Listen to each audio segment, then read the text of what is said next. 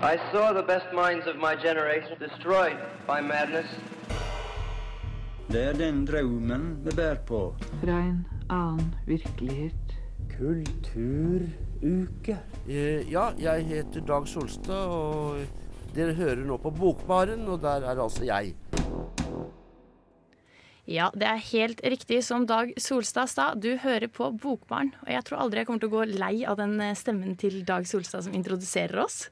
Ja, det er nydelig. Ja, helt enig. Ja, eh, Ingeborg heter jeg, og i studio i dag så har jeg med meg Magnus? Helle. Og Marte. Og i dag så skal vi snakke om en polsk forfatter, Olga Turkatsjuk. En skikkelig tongue twister der også. Eh, vi skal snakke litt om hennes forfatterskap og ha et intervju med oversetteren, som har da oversett, eh, oversatt henne, hennes bøker til norsk. Jeg heter Anne B. Ragde og er forfatter. Og når man er forfatter, så hører man selvsagt på Bokbarn så ofte man har anledning. Ja, det er veldig hyggelig, Anne Bragde. Eh, men i dag så tenkte jeg vi skulle bli litt bedre kjent med vårt fjerde medlem, Helle. Hei, hei, ja, det er meg. Ja, Kan ikke du fortelle litt om deg selv, Helle? Hva, hva studerer du? Jo, eh, jeg studerer da litteraturvitenskap. Jeg går bacheloråret mitt i år. Um, og jeg kommer da så klart fra Trondheim. Veldig, veldig koselig det. Eh, og så er jeg så klart veldig glad i å lese, men da har jeg vokst opp med mye fantasy og sci-fi, da. Eh, heller enn mer sånn faglitteratur. Ellers så var det krimbøkene, barnekrimmen til Anne B. Ragde, har satt et stort eh, merke på meg, da. Anne B. Ragde, det er jo eh, for en tilfeldighet. ja. Eh, Men jeg tenkte, vi fikk jo noen sånne gøye spørsmål forrige sending om eh, hvordan, eh, hva vi hadde i kjøleskapet. Så jeg tenkte å spørre deg, Helle, hva er det du må ha på tacoen? Det er et litt artig spørsmål. Eh, Jeg har variert veldig mye med hva jeg må ha på tacoen min. Men de siste årene så har jeg vært veldig avhengig av å ha rødt eple på tacoen min. Oi. Eh, Rødt eple? ja. Wow, Eh, det, er en, al- det har jeg aldri hørt før. Ja, det er sykt digg. For det er liksom Jeg er ikke så veldig glad i ananas. Eh, men det får den her søtlige greien som ananasen gir. da Og så litt sånn crispy. Sånn at du får liksom litt ekstra sånn kick i denne tacoen på sida av liksom eh, nachosen og sånt. da Ah, Det hørtes veldig godt ut. Jeg tror jeg skal prøve det i, i min neste taco. Eh, men eh, fra taco til noe litt annet. Vi sa jo, jeg sa jo at vi skulle snakke om Olga Torkatsjuk i dag. Og Magnus, du skal få lov til å introdusere henne litt, for det er vel du som egentlig kan mest om hennes forfatterskap? Ja, jeg kan jo egentlig ikke sånn veldig mye om Olga Tokarczuk, jeg heller, men jeg har jo tidligere lest eh, boken før din, eh, de, før din plog over de dødes knokler, og nå har vi lest bisarre fortellinger.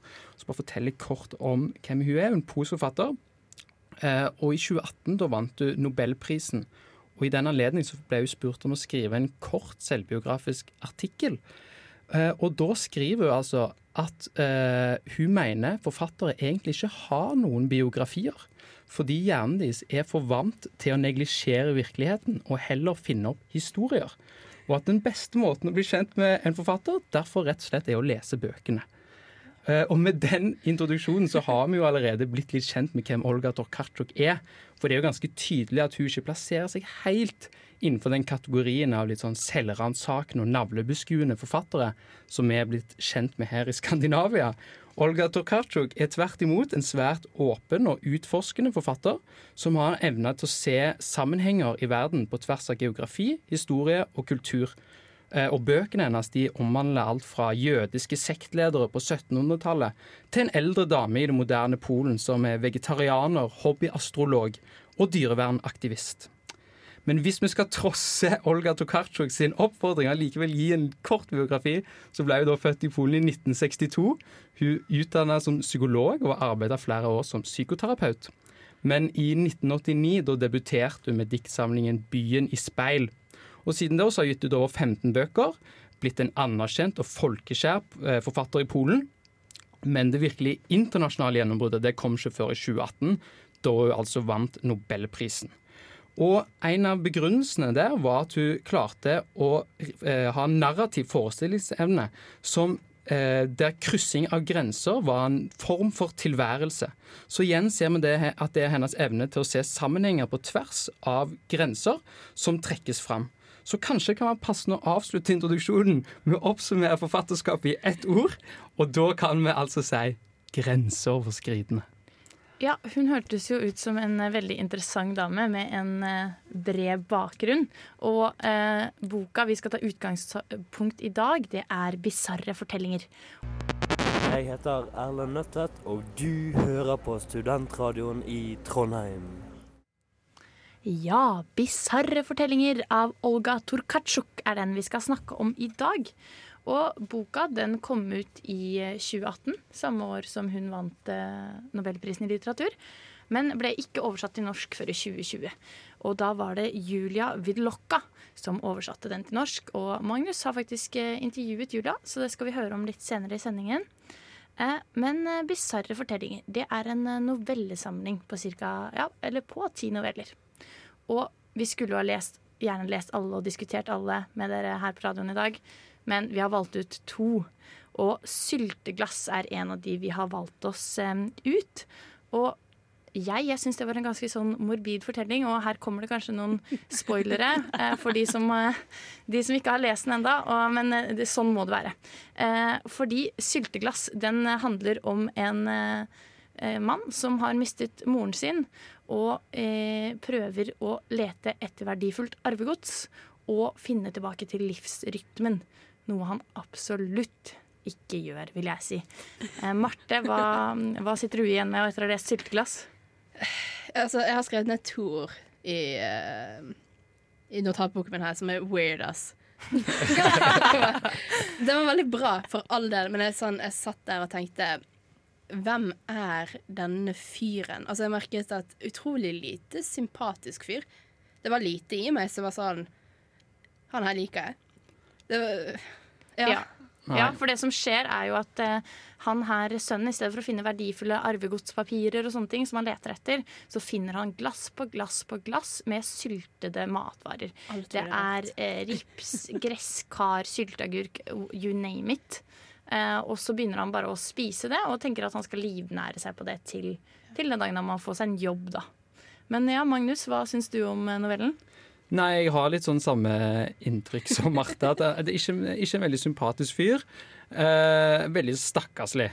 Eh, sitter der i sofaen og bare ser på fotball. Og det, er liksom, avslutningen er at han bygger opp et slags sånn borg av sånne sylteglass, og så bare helt vilkårlig så bare stapper han ting i kjeften uten å Ja. vite egentlig hva det er i det hele tatt. Bare Mye øl fråtse. Mye øl. Mm. Mye øl og bare sitter der. Så det er sånn, åh, kom han ta deg sammen.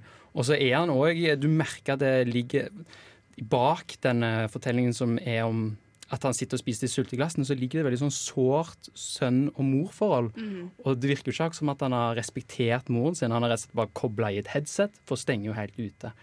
Uh, og nå savner han henne samtidig som han på en måte glemmer henne. Uh, han er veldig vanskelig å gripe, han her uh, fyren, egentlig. Ja, for altså, han kaller seg selv sånn avgangselev som er sånn Nå starter livet. Ja.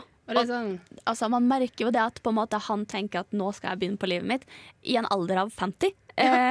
Ja Som et resultat av at moren har gått bort. Som er sånn Ja, spennende tolkning på denne um, vendingen. Ja, og så sier han jo bare sånn eh, Ja, jeg har jo ikke så mye penger, jeg må jo kanskje etter hvert begynne å få en jobb, men jeg kan jo i hvert fall bare snulte på moren min sin pensjonspenger, i hvert fall til det blir et problem. Så han, er, han vil ikke ta tak, for å si det på den måten. Og så skal vi avslutte hva som, eh, skal vi avsløre hva som skjer til slutt, eller blir det Ja, vi må jo kanskje, kanskje gjøre det. Eh, for det som skjer, er at eh, han begynner jo først å finne litt rare ting. Eh, moren har plutselig sylta skolisser eh, i 2001. eh, og hun har sylta en svamp i tomatsaus. Og da begynner eh, varselklokkene til leseren for det å ringe veldig. Men eh, han, han spiser ubehøvla videre. Jeg får litt sånn, Har dere sett eh, Shihiro-heksene? Har dere sett når de foreldrene sitter og spiser, og så blir de griser? Det er sånn jeg føler han opptrer. i- ja, bare blir mer og mer sånn Ja. fråtsende mm -hmm. Ikke desperat spising, men bare tankeløs spising. Ja, tankeløs spising. Og så ender det med at han spiser eh, noen som han eh, lo litt av. At han trodde moren hadde feilstavet sopp. Altså hun hadde skrevet S-O-P-P. Eh, og så ender det jo med at han dør eh, 24 timer etter å ha spist dette glasset med sopp. Eh, så ganske dramatisk eh, slutt på sylteglass, men kan absolutt anbefales, selv om nå er spoila. Hei, hei. Eh, Dette er Vigdis Hjort. Jeg liker navnet på denne radiokanalen, Radio Revolt. Hør på magasinet Bokbarn Det å sitte på bar og lese bok, det er ikke det verste. Ja, jeg kan si meg enig i den eh, vurderingen. Eh, nå skal vi snakke om en annen novelle som er eh, ganske forskjellig fra Sylteglass, og det er nemlig Transfugium. Og Helle, kan ikke du si hva Transfugium handler om? Ja, så Transfugium er jo litt mer sånn science fiction-aktig eh, novelle. Som ligger plassert i framtida, hvor at man rett og slett har en genetisk forvandling som man kan velge å gå til, sånn medisinsk behandling, hvor du blir gjort om til dyr. Eh, og hele da, denne novella handler om eh, ei dame som skal da ta farvel med søstera si, eh, og da arrangere en sånn avslutningsfest for at eh, de skal se hun dra. Og hun er veldig misfornøyd med denne opplevelsen, da, for hun forstår virkelig ikke det her valget søstera hennes har tatt. Nei, det kan nesten høres litt ut som sånn eh, videreførsel av livet. Altså nesten som at sjelen blir til et dyr etter, etter man dør. Altså en slags sånn tankegang, da. Eh, tror du det er noe sånn Torkatsjuk kan ha vært eh, inne på? Ja, En ting som på en måte er en sånn tanke her, da, er jo at eh, den transfugasjonsprosessen er en måte å minne oss mennesker på at vi er blitt veldig fanga i vårt menneskesyn. Så det er kanskje noe sånn samfunnskritisk der, da. For det står annet eh, via menneske... Eh, en uberørt eh, villmark uten mennesker. Vi er mennesker, derfor kan vi ikke se den. Vi har atskilt, atskilt oss fra villmarken, og for å vende tilbake må vi forandre oss. Jeg kan ikke se det som ikke rommer meg. Så det er på en måte en veldig sånn, et sånn kritisk stikk til at vi er blitt ekstremt lite opptatt av det som foregår utenfor det som er menneskelig, da. Mm. Tenker jeg iallfall. For hun er jo en, hun er en samfunnskritisk forfatter på mange måter, Olga Tokarczuk. Mm. Og det som er litt spennende, syns jeg òg, at hvis vi skal spoile hvilket dyr hun blir, så blir hun jo en ulv. Eh, og det har jo vært en sånn ulvedebatt, eller det pågår en ulvedebatt i Norge òg nå. Og da er jo det noe av perspektivet at det er kanskje veldig snevert av oss å drive og debattere at det er 100 ulv i Norge, når vi egentlig har sletta eller liksom fjerna så mange over så mange hundre år, så klarer vi ikke å leve med de få ulvene igjen.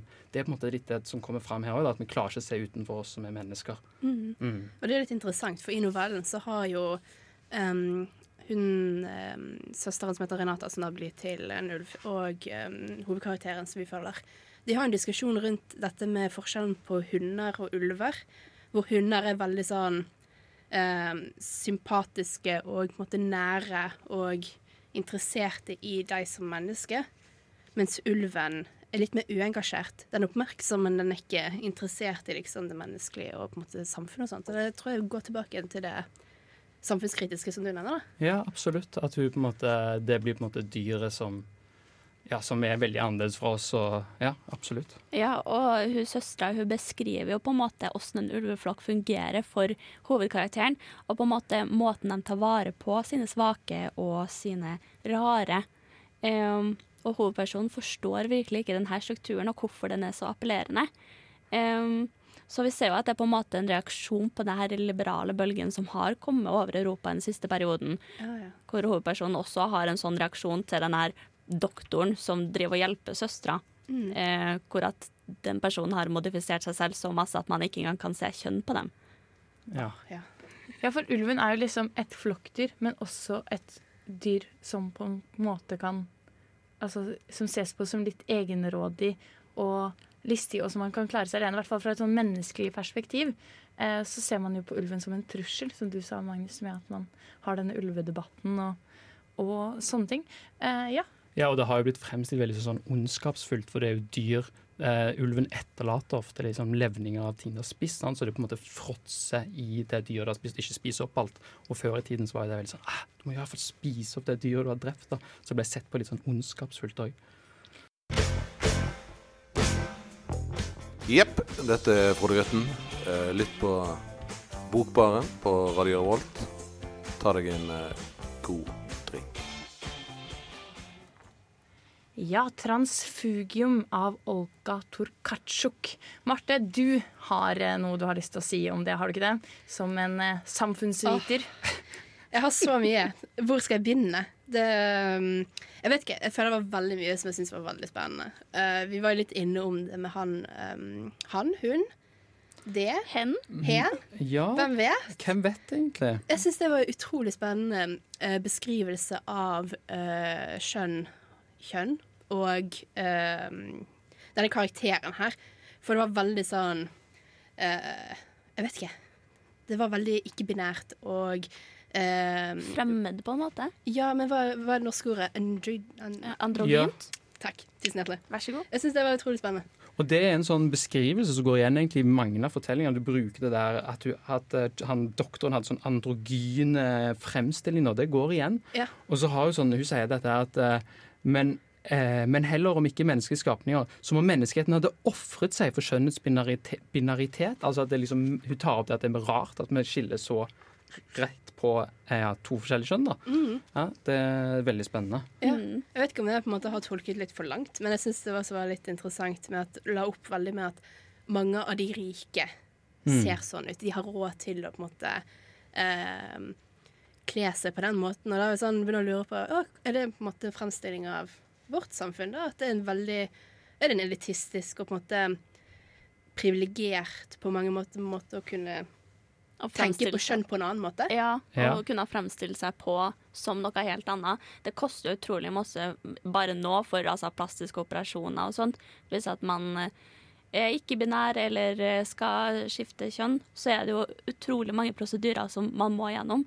Og eh, ofte så koster de veldig masse hvis du ikke får dem dekka av staten, liksom. Ja, og et sånn viktig poeng å huske på er at Olga Tokarczuk er polsk, og utviklingen i Polen har jo mildt sagt ikke vært veldig, eh, veldig snill mot uh, LHGBT. LGBT. Eh, det har jo skapt sånne soner som er sånn LGBT-frie soner. og det er jo en veldig sånn konservativ dragning i Polen på gang nå, så hun har jo fått mye kritikk internt i Polen for måten hun fremstiller kjønn her. Mm. Det er veldig spennende. Ja, det er absolutt spennende. Men det er kanskje ikke noe tvil om at uh, man kan lese fortellingen hennes litt allegorisk uh, som en samfunnskritikk. Tror jeg, da. Selvfølgelig, man kan bare lese det som en, eh, en uh, fortelling. Men eh, jeg tror grunnpilaren i Torkatsjuks forfatterskap er at eh, det er en viss eh, samfunnskritikk og en allegorisk eh, skriving hun holder på med. Ja, jeg er helt enig. det, det, det intervjuet som vi skal høre nå senere, så snakker jo Julia også om det at det er så mange nivåer. da. Mm. Og det er det som er så fint med Tokarczuk, det er på en måte givende i alle nivåer, uansett hvor man leser den. da. Mm. Mm. Ja, man kan jo se at på en måte utdanninga hennes innenfor psykologien eh, og psykiatrien kommer inn her. da, At på en måte hun vet så mange måter å lese mennesker på, og hvilke mønster det er lett å låse seg inn i. Ja, og før vi går over til å høre intervjuet med Julia om eh, oversettelsen, så skal vi høre Hilja med 'Take Them Down'. Uh, hei, jeg heter Zishan Shakar. Du hører på Bokbarn på Radio Revolt. Ja, vi er tilbake på Bokbarn på Radio Revolt, eh, og nå skal vi snart høre et eh, intervju som Magnus gjorde under migrasjonsuka med oversetteren av eh, Olga Torkatsjuks verker, da, hun som oversatte fra polsk til norsk, Julia Vidlokka. Og det var arrangementer hele forrige uke på Litteraturhuset i forbindelse med denne migrasjonsuka. Men eh, nå skal vi egentlig bare høre intervjuet, vi. Fanga din interesse i så stor grad med forfatterskapet? Var det, hva, du følte deg veldig hjemme Ja. der? Ja, det er jo på en måte liksom Du får både Altså, jeg følte liksom sånn For min egen sånn nostalgi etter det polske. Det veldig sånn hjemlige polske. Som jeg selv savner litt, da, ved å ikke bo der. Men det var på en måte bare min sånn private følelse. Men det var på en måte noe hele med det blikket. Aha, altså det er litt sånn skråblikk på, på tilværelsen. At hun klarer liksom å se alle karakterene som er på en måte liksom, Hun klarer å blottlegge veldig deres liksom, dumheter og tilkortkommenheter, men samtidig så gjør hun det på en sånn, en sånn ømhet og kjærlig liksom, Hun er liksom, interessert i mennesket. Og at, hun, også, at hun jobber på så mange forskjellige nivåer. Da. Altså Både på liksom, rent sånn fortellerglede, vakre setninger, men også har liksom Er med på å utvide liksom, tanken om hvordan polsk litteratur uh, Hva skal jeg si Det er også sånn Er med på å utvide den polske polske litteratur også. Og forståelsen, selvforståelsen av polsk litteratur også, Ja. tror jeg. Uh, Så er jo, som du sier, på flere nivåer. Det er jo nesten òg litt sånn filosofisk på en måte, å se på en måte hvilken retning verden går i, og ha sånn skråblikk, som du sier. da. Ja, ja, ja. Mm. Absolutt. Og hun har jo også særlig i den, eh, den nobelpristalen sin, så snakker jo hun om måte, at hun måte, altså, som er på en måte en slags sånn poetikk for henne. Da. Så at det er behovet for en sånn fjerdepersonsforteller. Som en som klarer å ha et utenfra-blikk, men samtidig snakke fra hver og en av alle. Mm. Så at man må være et for liksom, Man må kunne ha den avstanden og være tett på samtidig. Ja. Mm. ja, det er jo på en måte noe av det som en forfatter skal gjøre. En dyktig Mm. forfatter klarer å gjøre. Ja. Mm. Absolutt. Men som du sier, det er veldig på det språklige planet òg, at det er Mm. mye språklige metaforer, og finurligheter osv. Ja. Hvordan, hvordan er den prosessen da med å, å klare å oversette det til, fra polsk til norsk? Er det en stor Ja. utfordring, eller? Ja, altså det er jo, det er jo alltid en stor utfordring, og det er litt sånn eh, det, Hva skal jeg si? Det er på en måte noe man Det kommer jo selvfølgelig an på liksom hva spesifikke ting, men det er jo noe som man må bare må Du har, i hvert fall sånn som jeg jobber, at jeg har liksom Og sikkert alle oversettere jobber, eller flere. At du har flere versjoner av teksten, og så bare Eller du begynner på en måte med en slags versjon, og så bare jobber du videre og videre og videre til Du får ikke med deg alt hver gang, det er jo helt umulig. Men Mm. du, etter hvert så må du Så blir det noe eget som er litt øh, Mesteparten forfatteren, litt deg selv. En slags kompromiss, men som skal fungere som et litterært verk også. Ja. Så det er liksom et vellykket kompromiss. Ja. Noe sånt. Noe sånt. Er det, jo, men er det, jeg kan se for meg at det er vanskelig òg, å på en måte Mm. slå seg til ro med det kompromisset. At det kan være litt sånn Balansegangen der mellom som Ja. sier, forfatteren og det subjektive, at den Ja, ja, er ja. vanskelig å Jeg syns det. Jeg måte man blir aldri Det er jo som sagt altså det er en arbeid som aldri tar slutt. For Før liksom forlaget sier at nå har du en deadline. Man blir liksom aldri ferdig, men det er jo, man kan jo på en måte aldri bli helt ferdig fordi altså en tekst er jo levende ting, og alle oversettere vil ha sin egen tolkning av teksten. Mm. Så en oversettelse Altså min oversettelse vil bare være én versjon av den teksten, og en annen oversettelsestolkning vil være noe annet. Ikke sant? Og den er jo Ja. på en måte, det fins ikke på en måte noen nullpunkt, eller nå stopper den, nå er den boka ferdig oversatt. Fordi boka i originalen fortsetter å bety og lage betydning. Så Mm. med en annen språk i tillegg, så vil jo det også leve sitt eget liv. Ja. Men, eh, men man kan jo alltid sitte og flikke i all evighet på ting. og når jeg ser på liksom, da jeg selv har oversatt nå, så sier- jeg jo sånn herregud. Uff, ja ja. Prøver igjen neste gang. Hva har fire bein om dagen og seks bein om natta? Jeg vet ikke, men uh, hør på Radio Revolt. Radio Revolt. Velkommen tilbake til Bokbaren. Det var jo et veldig spennende intervju vi hørte med Julia, syns jeg. Og hun hadde mange fine refleksjoner rundt den rollen som en oversetter har. Eh, For det er jo faktisk eh, at du skal ta eh, noens verk og gjengi det på en eh, måte som, som det gjør seg fortjent til. Og nå kan jo ikke jeg polsk og har ikke lest originalen til, originalene til Olga, men eh, jeg syns jo at Julie har gjort en flott jobb med denne boka her. Absolutt. Mm. Og hun har jo blitt eh, Det blir på en måte tatt fram i mange av anmeldelsene òg at de anerkjenner at hun har gjort en veldig god oversettelse og har blitt nominert en pris, tror jeg, for oversettelsesarbeidet. Så hun har virkelig gjort en god jobb. Og desto mer imponerende at hun var jo veldig ny egentlig når hun gikk inn i oversettelsesarbeidet av Olga Tokarczuk. Så hun har virkelig ja, gått, den kurven, gått oppover den kurven veldig fort. Imponerende. Og hun var jo en veldig, veldig hyggelig, hyggelig dame å snakke med. Jeg lærte masse på det, for det var et foredrag før jeg hadde samtale med henne. Eh, var, ja, hun var klok. Mye bra å si. Og så syns jeg det er fascinerende, sånn som du snakker om dette her med at å tørre sånn som du sier, å gå inn på en sånn anerkjent forfatter som Olga Tokarczuk og på en måte gjøre det til sitt eget. Du må være modig, tenker jeg, også, for å tørre det oppdraget, på en måte. Ja, for oversetting er jo ikke bare direkte oversettelse. Aldri. Det er jo virkelig gjendiktning med eh, tanke på alt rundt både språk, personlighet, men også eh, kulturånd, da. Og Mm. hva som ligger i ord i språk. Ja, sant.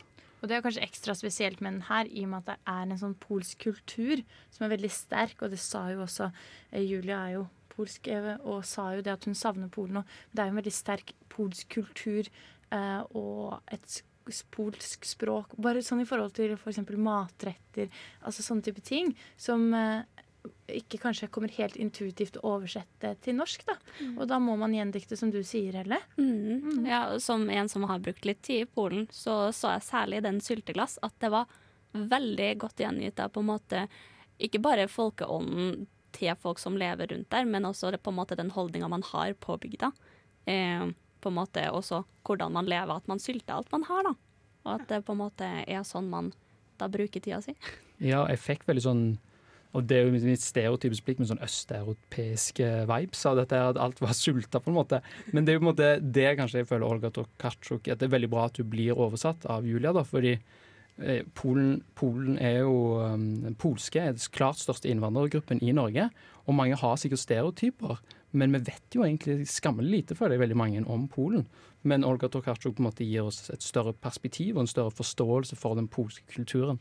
Og det klarer jeg på en veldig god måte, syns jeg. Det, jeg har merket det litt sånn på slutten av den sylteglass. At jeg sånn, syns at den slutten hvor han hovedpersonen døde, var det sånn veldig Veldig bare sånn rett på sak. Dette var det som skjedde. Bam. Og jeg er sånn hm, Er dette Ja. Er dette liksom en sånn polsk kultur som jeg ikke forstår, hvor ting er veldig sånn Ja, rett frem. Dette var det som skjedde. Ja, det tenkte jeg på. det At det liksom var et veldig sånn, en veldig morbid og eh, egentlig ganske sånn kompleks fæl historie, hvor hun strekker, hun moren strekker liksom hendene ut fra graven og tar hevn etter Ja. død på sønnen. Og så er det beskrevet så nøkternt, så plain. Så eh, hele Akkurat der hvor han dør, det er, tar jo tre setninger i boken eller noe sånt. Eh, så kanskje det var noe av det polske. Men du har kanskje bedre peiling på det, Helle, som har vært litt i Polen nå? det tar i hvert fall inn den der østblokk-feelingen som man har. Det, men jeg føler på en måte at det er mer en humoristisk, makaber uh, ting som ligger der, da. Som er veldig klassisk for uh, ikke bare Polen, men også på en måte resten av det som tidligere har vært jernteppet, skal jeg til å si. Ja, og Olga Tokarczuk har jo blitt løfta fram at du på en måte representerer en litt sånn polsk folkeånd som er veldig sånn opprørsk. Og jeg leste et veldig morsomt sånn sitat Stalin skal si at øh, å på en måte gjøre øh, Polen til et kommunistisk land er som å sette en sadel på en ku. At det er liksom veldig sånn, De er glad i å gjøre opprør og på en måte stille seg ja. Og det på en måte gjør jo Olga Tokarczuk òg. Hun gjør på en måte et slags opprør mot veldig mange av de ja, strømningene som foregår i samfunnet vårt i dag. Så det er mye kultur, polsk kultur å hente i forfatterskapet. Ja, absolutt. Eh, og jeg tror det blir veldig spennende å følge med på hva som kommer videre også, fra, fra forfatteren. Det kan jeg jo bare Eh, slapp kjapt skyte inn at eh, hun Julia fortalte at hun holder på å oversette et sånn skikkelig murstein på 1100 sider som heter. Jakob-bøkene. Og de skulle visst komme i 2023, så det er bare å glede seg allerede. ja, du, det leste jeg eh, litt grann om. Det så jo kjempe, kjempespennende ut, det her prosjektet. Mm. Og for å komme litt tilbake til det du også sa, Helle. Jeg syns det var veldig spennende det her med at eh, du visste aldri egentlig om du skulle le eller gråte nesten. Eller sånn. Ja, det det var var veldig skikkelig forferda, ja. morbid og komisk, eh, komisk eh, eh, hånd i hånd. Eh, Men før vi går videre til å høre om litt lesetips fra Julia, og kanskje oppsummere litt om Olga, så skal vi høre en låt. Jeg heter Hans Olav Brenner, og jeg syns at det er et slags minstekrav til et oppegående ungt menneske å høre på Bokbarn. Ja, velkommen tilbake til Bokbarn. Da skal vi vel ta farvel med Olga Torkatsjuk for denne gang. Men vi skal si hei til en gammel klassiker som vi eh, lurer på hvordan det går med. Fordi, Marte, hvordan går det med Virginia Woolf? Uh, jeg har lånt den på biblioteket. Woohoo. bra jobba. Jeg har kommet så langt. Eh, men det som er litt gøy, er jo at jeg har jo i litt sånn fortumlet tilstand ikke fulgt så veldig godt med på hva det er jeg har lånt. Så jeg har lånt den på norsk. Så da kan vi faktisk uh, se litt om uh, den oversetteren klarer å få med den feelingen til Virginia Woolf. Ja, for der er jeg litt i beita òg, for jeg har også en uh, norsk utgave. Men man burde jo lese Wolf på engelsk. Eh, men da skal vi få et lesetips fra Julia før vi avslutter. Siden det er en katt jeg liker veldig godt, så anbefaler jeg veldig Stans of Lems Solaris. Som jeg også har oversatt, Ja. men som er en fantastisk bok. Som, ja, ja, det er en av liksom 20 årenes største klassikere. Den er fantastisk. Den anbefaler jeg å lese. Ja. Og noe helt annet, som er en bok jeg leste i, i sommer, som jeg ja, syns var helt nydelig, er eh, en bok av Virginia Woolf, og det er særlig i Merete Alsens oversettelse. Den heter 'Flush', og det handler om en hund som er hunden til eh, poeten Elisabeth Barry. Og den er helt nydelig. Den er bare ja, veldig sånn perle.